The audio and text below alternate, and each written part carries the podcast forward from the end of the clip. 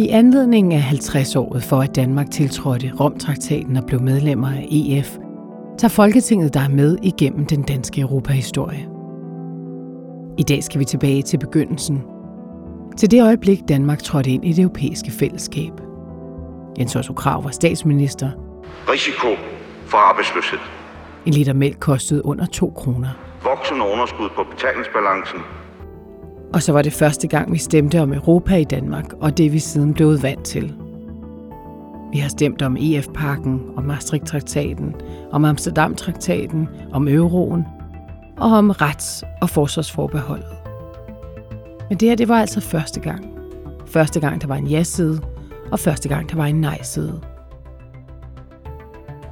Danmarks EU-historie er en fortælling om et halvt århundrede af Danmarks historie. Vi laver tre nedslag i de begivenheder, der har defineret vores forhold til Europa, og vi har samlet både hovedpersoner og øjenvidner i denne podcast.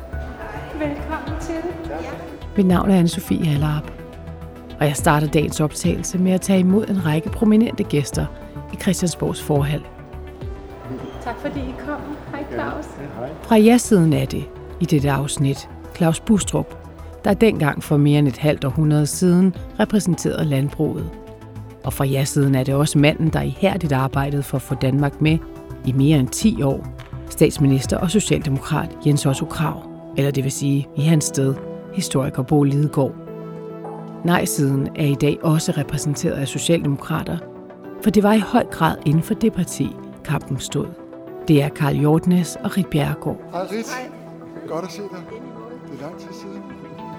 Og også pressen er repræsenteret i dagens podcast ved en ung dansk reporter, der siden skulle få stor betydning i dansk europapolitik. If you can't join them, beat them. Uffe Ellemann Jensen. Og den der lille one-liner, den gik jo verden rundt. Hold da kæft. Og til lejligheden har vi lånt et ganske særligt og meget smukt lokale på Christiansborg. Europaudvalgets lokale på anden sal. Her er Udenrigspolitisk Nævn blevet orienteret om sager af den største betydning for det danske rige, og her har Europaudvalget drøftet Danmarks stilling over for resten af Europa. For en historieinteresseret person som mig er det helt særligt at sætte netop de her personer ind i dette lokale. Jeg starter optagelsen ved at ringe med udvalgsforpersonens gyldne klokke og skruer tiden tilbage til den 2. oktober 1972, hvor stemmerne efter dagens folkeafstemning er ved at blive talt op. Vi er her i Europa, udvalgets lokale. Hvor var I henne den dag og aften? Rit Bjerregaard og Karl Hjortnes. Vi var sammen med øh, dem, der havde sagt nej. Socialdemokrater øh, mod, øh, mod EF, som øh, Karl og jeg i meget høj grad havde organiseret. Og Karls hukommelse plejer altid at være lidt bedre end min. Ja. Så måske kan du ovenikøbet huske stedet. Ja, det var nok uh, 20. Men uh, efterhånden som aftenen skred frem, kunne vi jo godt se, at det gik en forkerte vej. Og uh, stemningen var trist. Nogen græd. Ja. Med i dag i det højloftede udvalgslokale er også Claus Bustrup. Den 2. oktober 1972 befandt han sig i Bruxelles, hvor han arbejdede for Landboorganisationernes fællesmarkedssekretariat. Den aften der var jeg sammen med den danske repræsentant ved EU, øh, Finn Olav Gundelak. Gundelak, som jo øh, måske var en af de allermest indflydelsesrige danskere i den periode, embedsmænd. Hvordan var stemningen der? Ja, der var stemningen jo god. Altså modsat hos øh, Rit og Karl Hjortnes, så der var kun øh, glæde øh, og spore hos, hos alle. Dengang var Claus Bustrup en helt ung venstremand, men senere i livet blev han direktør for Landbrugsrådet. Året er som sagt 1972, og Danmark skal ved folkeafstemningen tage stilling til, om vi skal træde ind i EF, som det hed på det tidspunkt. Danmark og danskerne var splittet, og nye bevægelser opstod med det ene formål at modarbejde Danmarks indtræden i samarbejdet. For eksempel Folkebevægelsen mod EF. Flere partier var splittede på spørgsmålet, og selv i det regeringsbærende parti Socialdemokratiet var der to modsatrettede holdninger til den vigtige afstemning. Og så kan jeg sige velkommen til dig, Bo Lidegaard. Tak. Du er historiker, du er forfatter til flere bøger om Jens Otto Krav, som jo var den socialdemokratiske øh, statsminister, som fik Danmark ind i fællesskabet, og som havde hård opposition øh, fra både Ritter Karl øh, og andre i sit eget parti. Du var jo ikke med dengang, du var en lille dreng. 14 år. Stor dreng.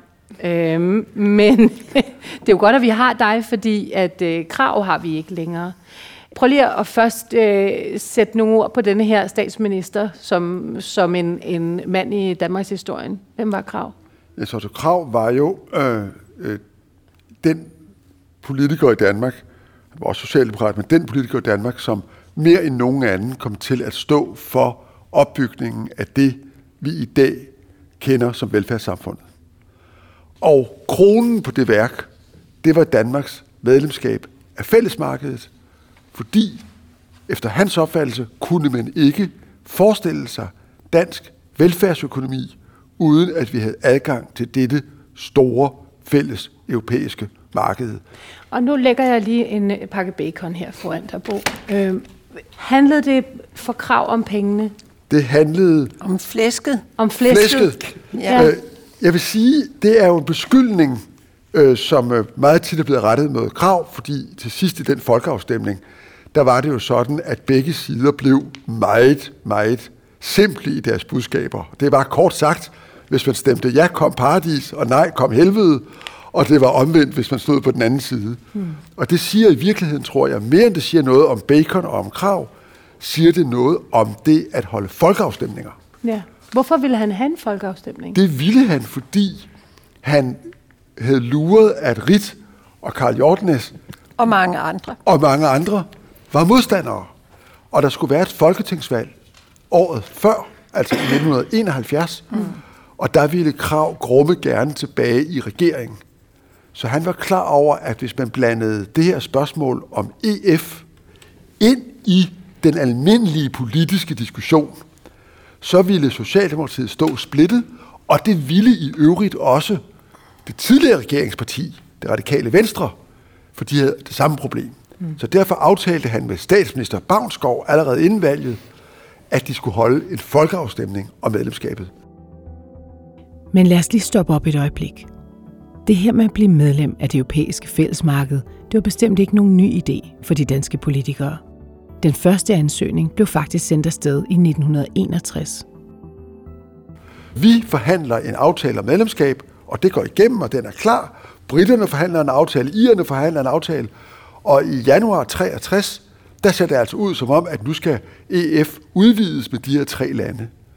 Og så er det berømt, at den daværende franske præsident, general de Gaulle, øh, lidt ud af det blå for de fleste, øh, slår i bordet og siger, no, britterne kan ikke komme med, for de vil egentlig ikke et samarbejde, der er så forpligtende, så dybt og så vidtgående, som det her ligger op til. Og det fik han jo ret i.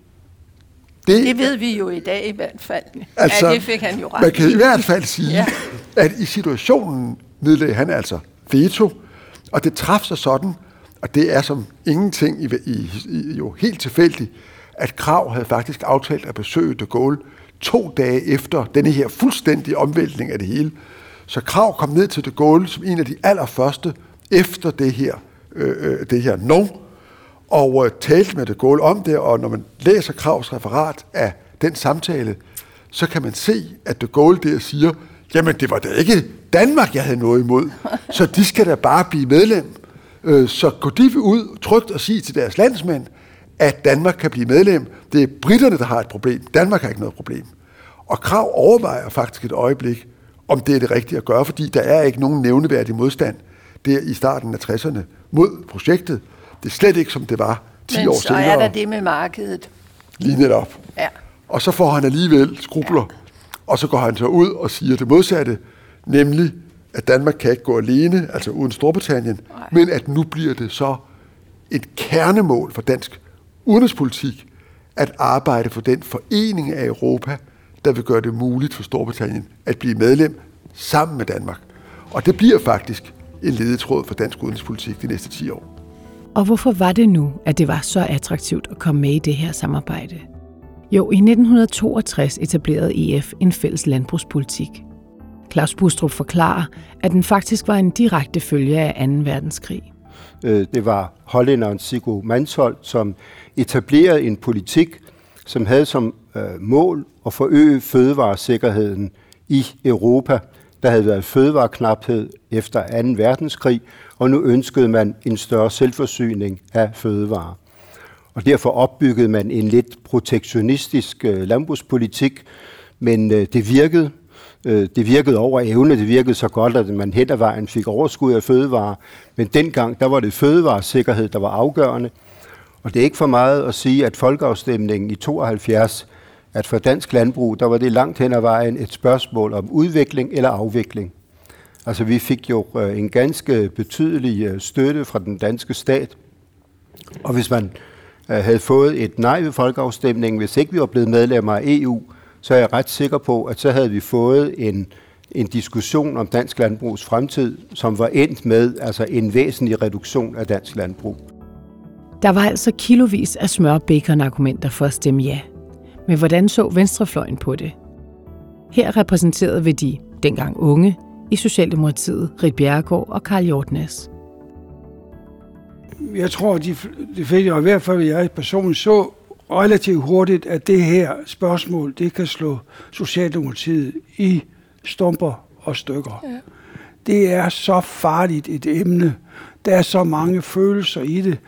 Og jeg registrerede meget hurtigt, at den kreds, hvor jeg selv var opstillet, var der en massiv modstand, massiv modstand mod dansk indtræden i fællesmarkedet. Du skal regne med, at øh, slutningen af 60'erne er også ungdomsoprøret. Altså, der var jo et oprør imod autoriteter, og vi kendte da i allerhøjeste grad øh, den bevægelse, der også øh, havde været øh, i, øh, i ungdomsoprøret. Og vi skulle ikke bare rette os efter øh, autoriteter. Jeg har nogle gange sagt, jeg ved ikke om Karl synes, jeg er lidt for grov, når jeg siger det. Vi var sikre på, at vi skulle ikke ind og lære alt muligt af de gamle i Folketinget. Vi kom ind med den nye viden, og de skulle lære os. Vi havde ikke den autoritetstro, som de øh, ældre generationer havde. Vi var ikke bange for debatten. Vi mente faktisk, at debat det er vitaminer, og øh, et hvert parti, der, der vil udvikle sig. Der er det meget vigtigt, at vi er åbne for debat. Hvordan så, så krav på de her ja, rebeller? Hvis jeg nu skal påtage mig rollen som den gamle sure mand, ja, og det er tilfælde øh, krav, så var, der, så var der en ting, tror jeg, der for ham var næsten ubegribeligt ved det ungdomsoprør og ved den anti-autoritære strømning. Og det var i virkeligheden noget, som har plaget os i en vis forstand lige siden, nemlig spørgsmålet om magt og magtens udøvelse.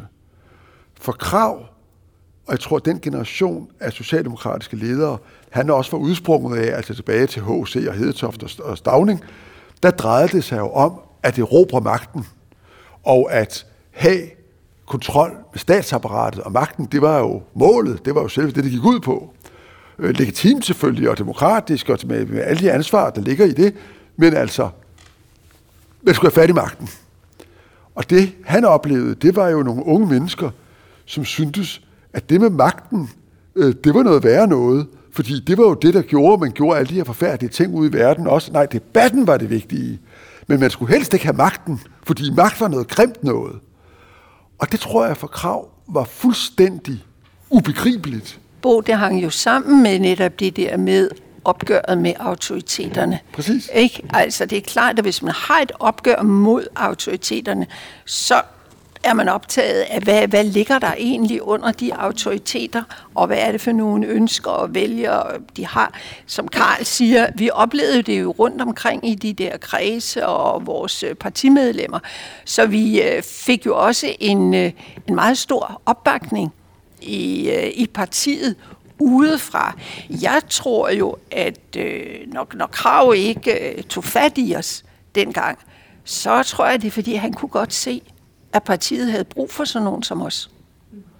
Jeg tror, det var Karl, der sagde før, at, at vi kunne se netop, at partiet nemt kunne blive splittet.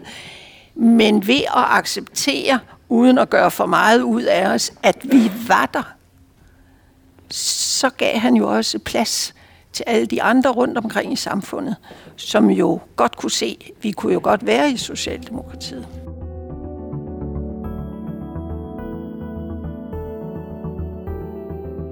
Øh, nu lægger jeg sådan et øh, billede foran dig, Bo, som du måske kan beskrive. Det er et, øh, et, et kendt billede, som er det øjeblik, hvor Jens Otto Krav, altså som, som statsminister, øh, sidder i Bruxelles og helt bogstaveligt talt underskriver Romtraktaten, altså underskriver tiltrædelsen af øh, EF. Og det gør han øh, øh, flankeret af øh, to af sine nærmeste i den her periode, nemlig Ivan Nørgaard på den ene side, han skal også skrive under, og så, er, som er den politiske, ikke? Som, som er den politiske, og så på den anden side Jens Christensen, som er den ledende embedsmand, der har været chefforhandler for Danmark.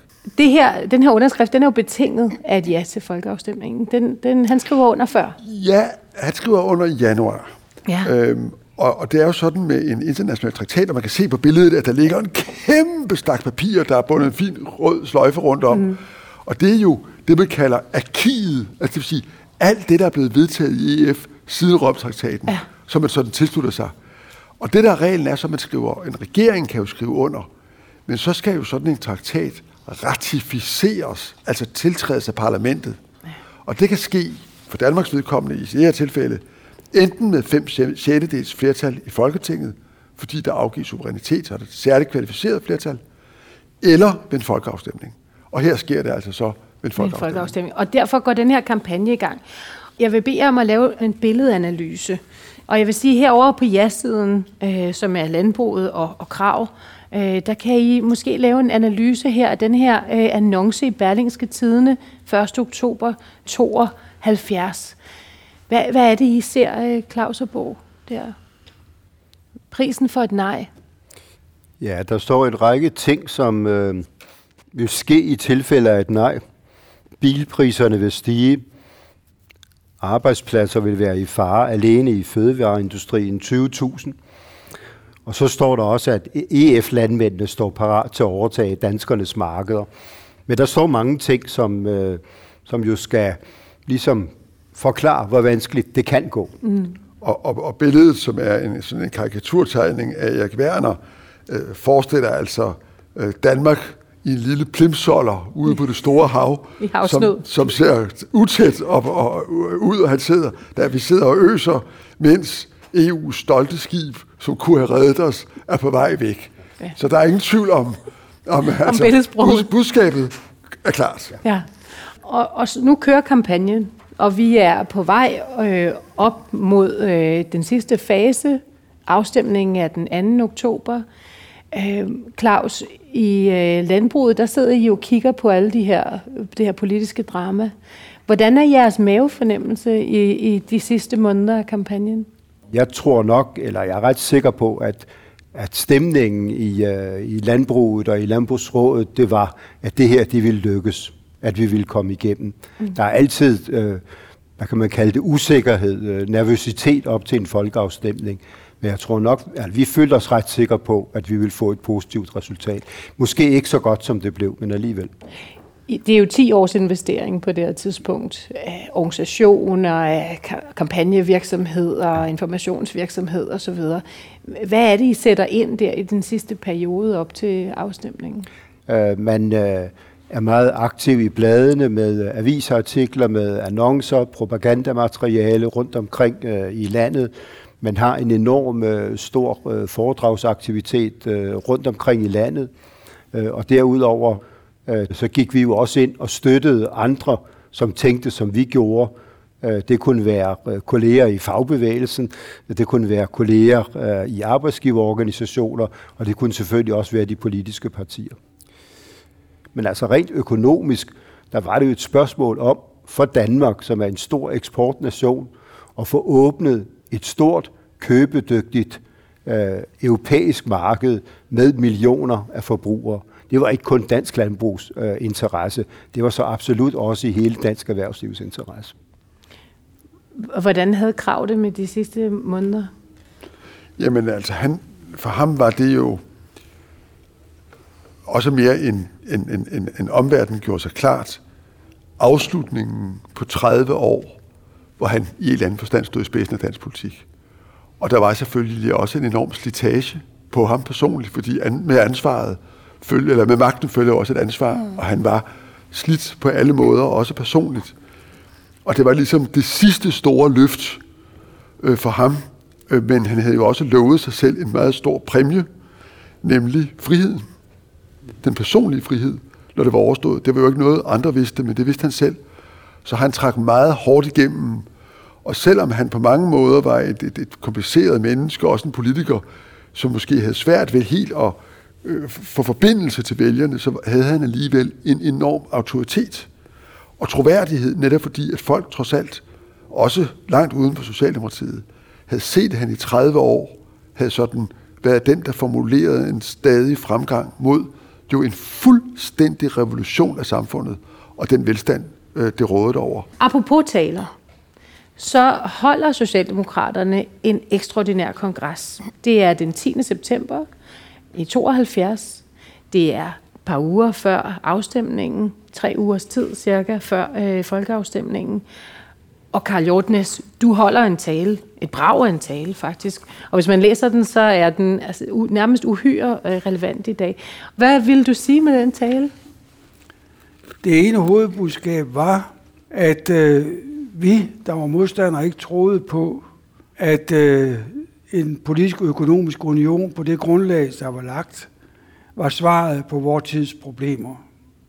Det andet hovedbudskab, det var at få signaleret udadtil til alle de socialdemokratiske EF-modstandere, at uanset hvordan den der afstemning den ender, så tager vi afstemningsresultatet til efterretning, og så er det på det grundlag, vi arbejder videre. Mm. Det var utrolig vigtigt for mig at holde sammen på partiet. Tilbage i kampagnen, så sker der det to uger efter din tale, Karl, øh, den 24. og 25. at Norge stemmer. Og de stemmer nej. Mm. Hvordan påvirkede det øh, jer? Altså, Rit, hvad, hvad tænkte I i nej-kampagnen, øh, da Norge stemte nej? Ja, vi tænkte jo, juhu, altså, når der nu er et, øh, et nej her, og nordmændene, så kan vi bruge det, og, øh, og så vil mange flere øh, også øh, gå hen og, øh, og, stemme, øh, og stemme nej. Så vi så det jo som et, et, et vældigt øh, tilskud til, øh, til sidste dages øh, kampagne. Hvad var reaktionen øh, på Marienborg? Ja, altså der havde været et sådan et, et hvem blinker først spil mellem Norge og Danmark om, hvem der skulle have folkeafstemningen først. Ja, det var det. Og øh, Krav var meget interesseret i at komme efter Norge. Og det var ud fra den betragtning, at hvis nordmændene mod forventning stemte nej, og Danmark havde stemt ja først, så ville der opstå præcis det, Karl var inde på, før der ikke måtte opstå, nemlig tvivl om afstemningsresultatet skulle respekteres. For så vil folk jo sige, Norge jo, men hvis vi havde vidst, hvad Norge stemte, så ville vi slet ikke have stemt, som vi ville. Mm. Så han manøvrerede meget elegant, og han var en meget dygtig politiker, så han fik manøvreret Norge til at stemme først, og dermed var den præmis klar, og ingen kunne bagefter sige, at øh, den norske afstemning skulle så at sige have været afgørende for en anden stemmeafgivning. Men gav det ham nervøse trækninger, tror du? Nu var Krav ikke en mand, der let fik nervøse trækninger. øh, øh, men øh, men øh, det, altså han, han var en, øh, jeg ved ikke, hvilket udtryk jeg skal bruge, en, øh, en rimelig kold politiker. Øh, ikke at han var en kold person, men han, han styrede efter sit mål, ja. og øh, stod på mål for øh, sin politik. Det er klart. Og så kommer vi så til den sidste dag før, før denne her folkeafstemning. Og der er en, organiseret en kæmpemæssig demonstration. Den øh, starter på Grøntorvet, Rit, øh, og du taler ved demonstrationen. Hvis, for det ikke skal være løgn, så har jeg et billede. Det kan du starte med at, at få her. Ja, der var øh, virkelig, øh, virkelig, legnet, øh, virkelig legnet op. Der var helt fuldstændig sorte mennesker der på, øh, på Grøntorvet, og jeg holdt sådan en raballertale, som man skal holde ved Hvad den slags øh, lejlighed. Det kan jeg overhovedet ikke huske. Det rigtige. Var du, Men, var du nervøs? det, folk, Var du folk, nervøs? Øh, nej, egentlig ikke, øh, ikke så meget, fordi jeg følte, at vi der, vi havde vinden i ryggen, ikke? Og, øh, og alle de forskellige, øh, der var imod øh, medlemskabet, skulle jo så øh, tale. Øh, og, øh, og det gik fint med talen, så skulle vi bagefter i en lang øh, demonstration øh, gå ind på øh, Rådhuspladsen og samles øh, inde på Rådhuspladsen. Og der var jo simpelthen så mange mennesker, at, øh, at vi virkelig tænkte, jamen det kan, det kan kun blive et nej. Altså med alle de mennesker, hele det her engagement. 10.000 af mennesker. Ja, det kan overhovedet ikke være noget andet. Og så, øh, tro, jeg tror det var Søren Pind, der engang øh, sagde til mig, jamen Rit, det I glemte at se, det var det, de bragte i fjernsynet. For i fjernsynet, der havde de bragt sådan nogle af dem, der sagde nej, som var sådan lidt øh, hooligan og som stod og dansede og jublede. Og da folk i fjernsynet så de der, så var der rigtig mange, der tænkte, nej, sådan nogen der skal vi i hvert fald ikke være sammen med. Var det nogle flipper? Ja, det kan man roligt sige. Ja. Øh, og, øh, og, og det kan godt være. Ja. Det kan godt være, fordi det oplever man jo ikke, når man er midt i det der folkehav. Så er det jo det, man oplever. Men hvad der blev bragt i medierne, var der jo selvfølgelig flere mennesker, der så. Så jeg vil da ikke udelukke, at det har spillet en rolle, fordi øh, modstandergruppen var jo en, en meget, meget, meget broet skar. Ja, og, og nu kan vi se dem der. Vi husker alle sammen ham, der, opstod, øh, der optrådte på den, øh, ved, øh, ved besættelsen af den amerikanske kongres med spydet ja. og, og, og, og vikingehjelmen ja. og så videre og så videre. Det var sådan nogle typer, Det var sådan nogle typer. Ja. Det siger jo også noget om, hvor vigtigt tv-mediet, hvor der jo kun var én kanal på det ja. tidspunkt, i virkeligheden var. Øhm, og jeg har talt med en, som dengang var en ung tv-journalist. Øhm, han hedder Uffe Ellemann, øh, og jeg har været hjemme hos ham. Uffe Ellemann Jensen, du øh, var jo journalist ja. øh, der under kampagnen øh, i 70'erne, øh, da Danmark stod for at skulle træde ind i EF. Hvor arbejdede du henne? Jeg arbejdede på TV-avisen, og dengang var der jo kun én tv-kanal i Danmark. Og der arbejdede jeg med politisk og økonomisk stof, og jeg havde dækket forhandlingerne i Bruxelles om dansk medlemskab. Så op til folkeafstemningen der i, i 1972, der skulle vi på tv have nogle meget store høringer hvor der blev inviteret alle mulige mennesker, kunstnere, eksperter osv., repræsenterende alle mulige øh, synspunkter.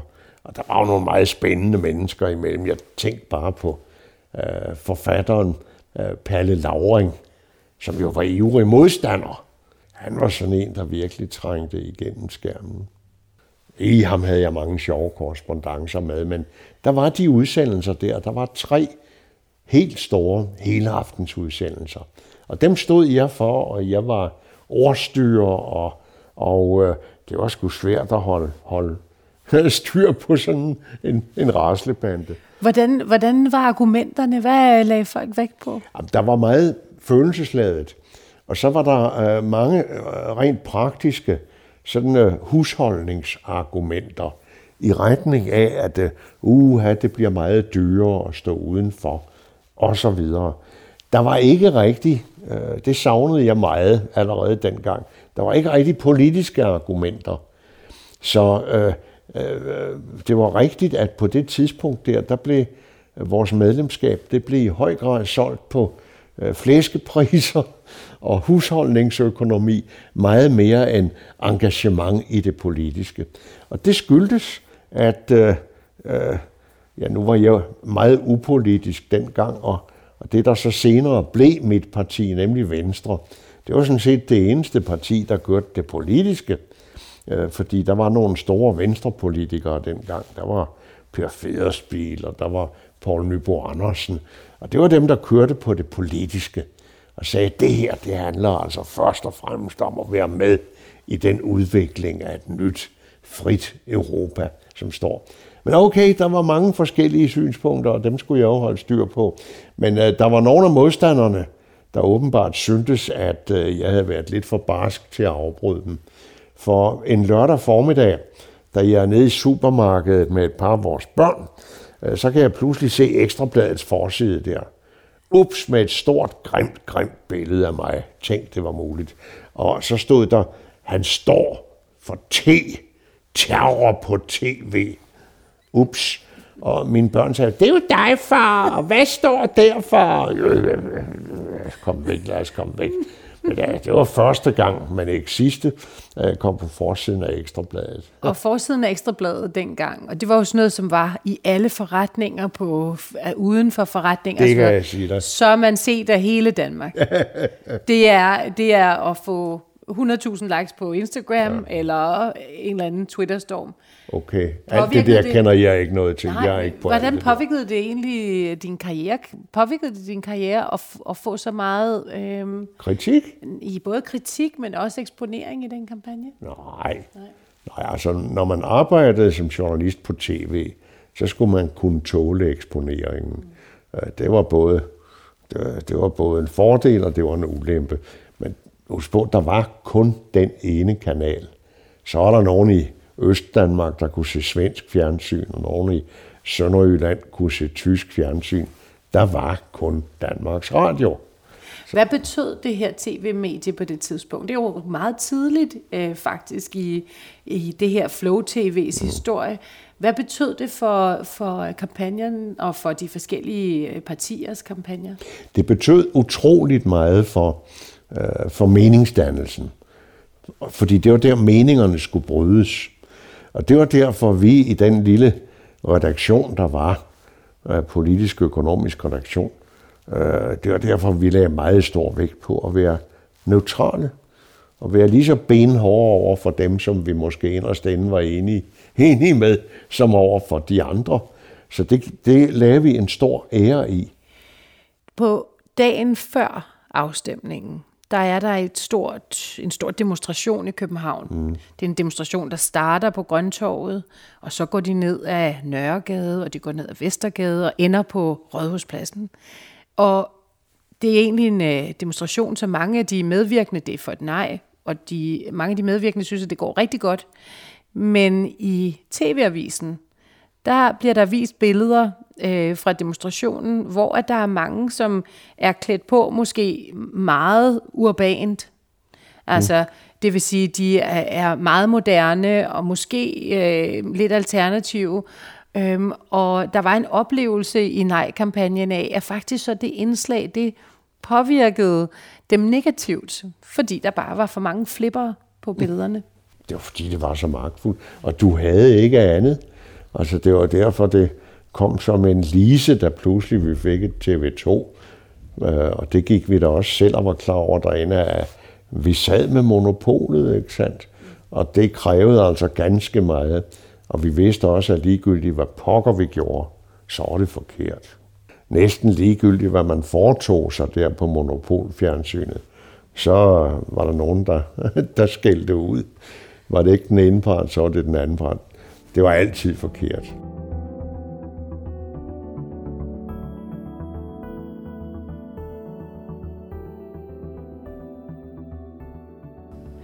Og så er vi tilbage ved afstemningen, til afstemningsaftenen.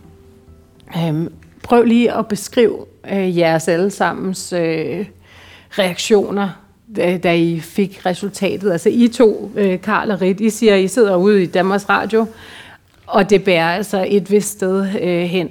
Ja. ja. Som, I ikke, som I ikke er specielt glade for. Og så tager vi så ud til Nørregade, og der er jo samlet en stor flok af dem, der har været aktive under hele øh, kampagnen. Og øh, stemningen var trist. De var helt nede i kulkælderen. Ja. Og øh, bitterheden mod partiets ledelse var enormt stor. Formentlig også båret af, at man havde troet på, at, øh, at øh, befolkningen ville stemme nej. Der på afstemningsaften, der sidder du sammen med Finn Gundelak i, ja. i Bruxelles. I en... Der er jo uh, naturligvis stor glæde. Ja. Man skal huske på det kæmpe arbejde, som uh, der var lagt uh, i den danske uh, repræsentation ved EF, og ikke mindst fra uh, Finn Gundelaks side. Og man kan så også sige, at, uh, at resultatet, og derved den danske tilslutning til uh, EF, at det blev så også afgørende for øh, Gundelaks videre øh, karriere i det, at Gundelach han jo bliver den første danske øh, EU-kommissær. I første omgang, der får han ansvaret for øh, det indre marked. Men den der aften, der tænker I, vi gjorde det. De her 10 års øh, arbejde har båret frugt. Nu bliver vi medlemmer. Ja. Hvad var det for nogle perspektiver, som, som I så?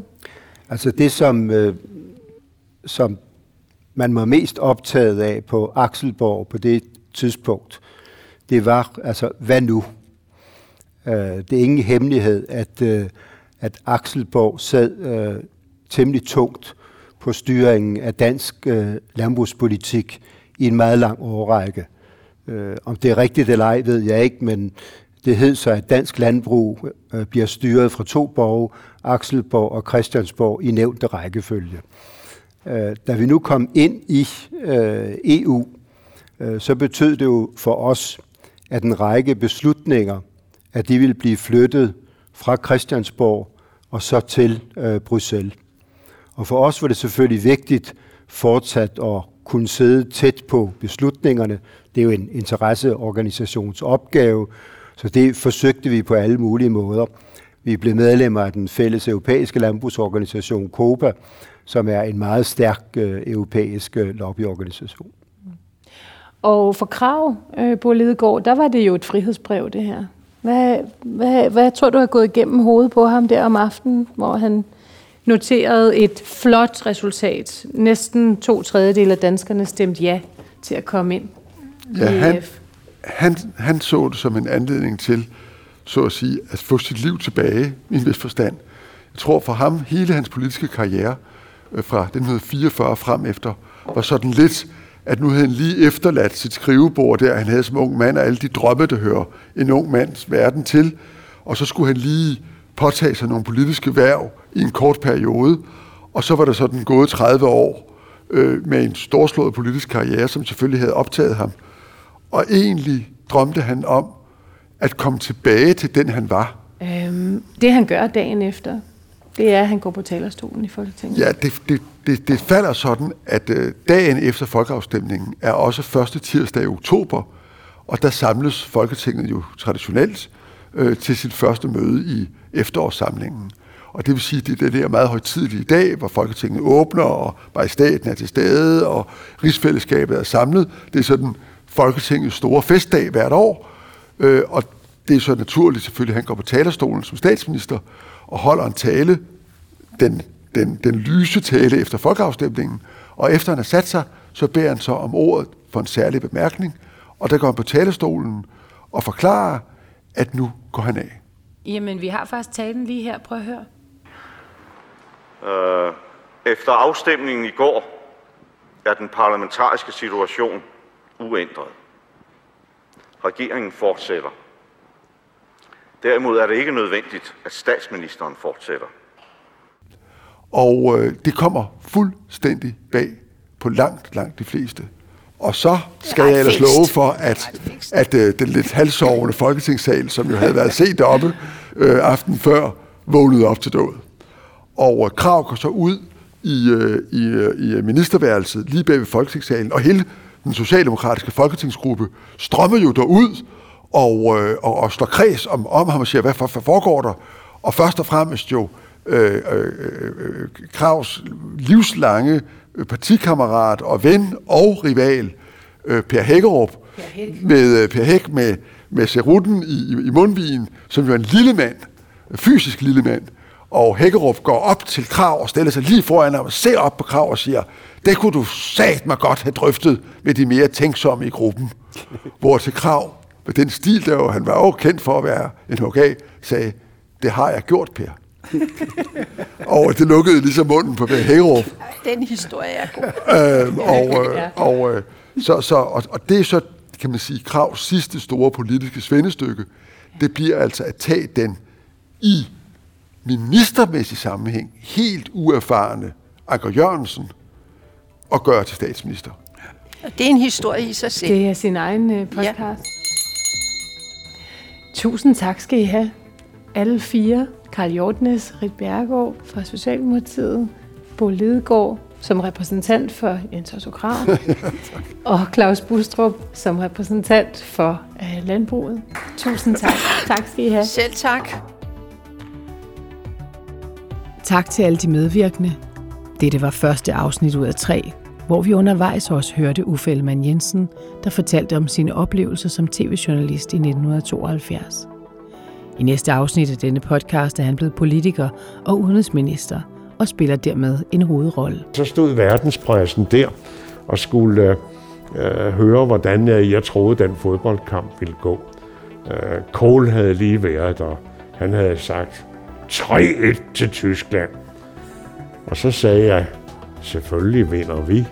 For som vi siger i Danmark, if you can't join them, beat them. Denne podcast er produceret af Munk Studios for Folketinget. Mit navn er Anne-Sophie Allerup.